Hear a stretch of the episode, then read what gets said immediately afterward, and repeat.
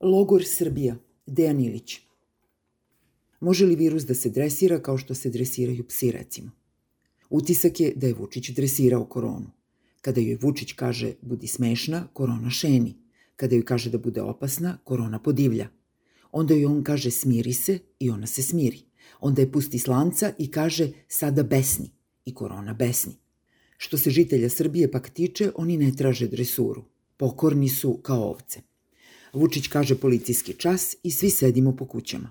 Vučić kaže opasnost prošla i svi izađemo na sunce. Onda on kaže opasnost se vratila i svi podignemo maske na lice. Sa dresiranom koronom i pokornim podanicima nije teško biti Vučić.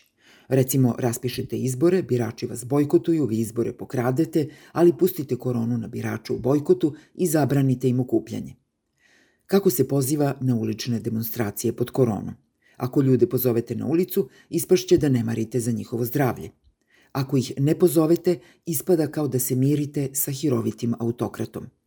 Nema dobrog rešenja, tako izgleda. Međutim, kada Vučić pozove na stadion ili na izbore, to kao da nije opasno ni za čije zdravlje, jer on istovremeno kontroliše i koronu.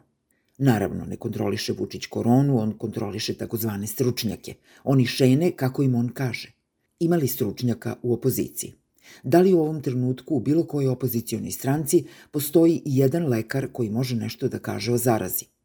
Ako ne u opozicijonoj stranci, ima li u Srbiji lekara koji je lojalan svoj struci, pa je stoga opozicijono nastrojen spram prevarnog režima i korumpiranih stručnjaka? Dobro, ostavimo lekare na miru. Znamo da im nije lako imali u Srbiji tužioca lojalnog pravu koji bi, kako je to objasnila Sofija Mandić, s dobrim razlozima podigao optužnicu protiv lekara iz kriznog štaba koji su lagali. Dobro, pustimo i tužioce na miru, oni su nam odavno stavili do znanja da od njih više ništa ne treba da očekujemo. Oni su se predali autokrati, stavili se u njegovu službu, kao u ostalom i lekari. Ako ne računamo na lekare i tužioce, imali nekoga na univerzitetu ko ih je školovao i ko bi sad podigao glas da ih opomene da ih nije tome učio. Nema, znamo. Odavno na univerzitetu niko ne podiže glas, izuzev kada autokratu treba zamoliti za šaku dinara.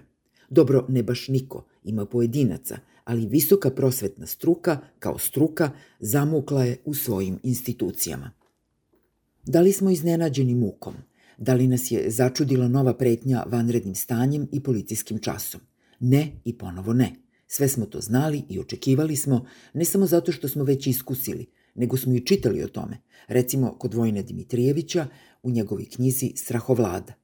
Tamo gde kod Dimitrijevića u tekstu stoji sila države, čitalac mirno može da čita korona.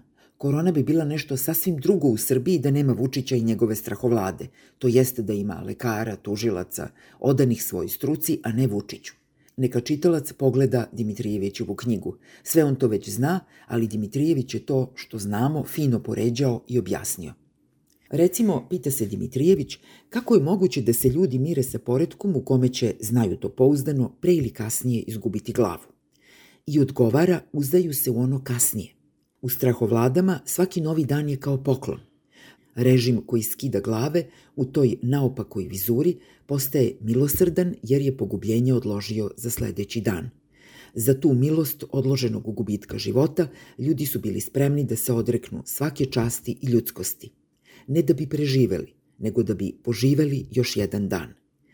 Taj stav prema životu i smrti svojstven je bio i logorašima. Dobro ga je opisao recimo Imre Kertes – u romanu koji je Aleksandar Tišma preveo pod naslovom Bez sudbinstvo. Ima ga jasno artikulisanog i u prozi Prima Levija. Život pod strahovladom, život je u logoru. Đorđio Agamben je o tome pisao jasno i ubedljivo. Slično Agambenu, a pre njega, pisao je dakle i Vojin Dimitrijević. Hoću li ja to da kažem da je Vučić od Srbije napravio logor u kome žiteljima, logorašima radi šta god mu padne na pamet, a dresirana korona mu služi samo kao izgovor za to. Bilo bi to preterano poređenje, ali ne i sasvim lišeno smisla. Ako baš i nije reč o životu i smrti, svakako je reč o elementarnoj slobodi. Dok su se logoraši i podanici totalitarnih režima nadali da će dočekati živi novi dan, mi se odnedavno nadamo da ćemo taj dan dočekati slobodni. Nije mala razlika, ali nije ni suštinska.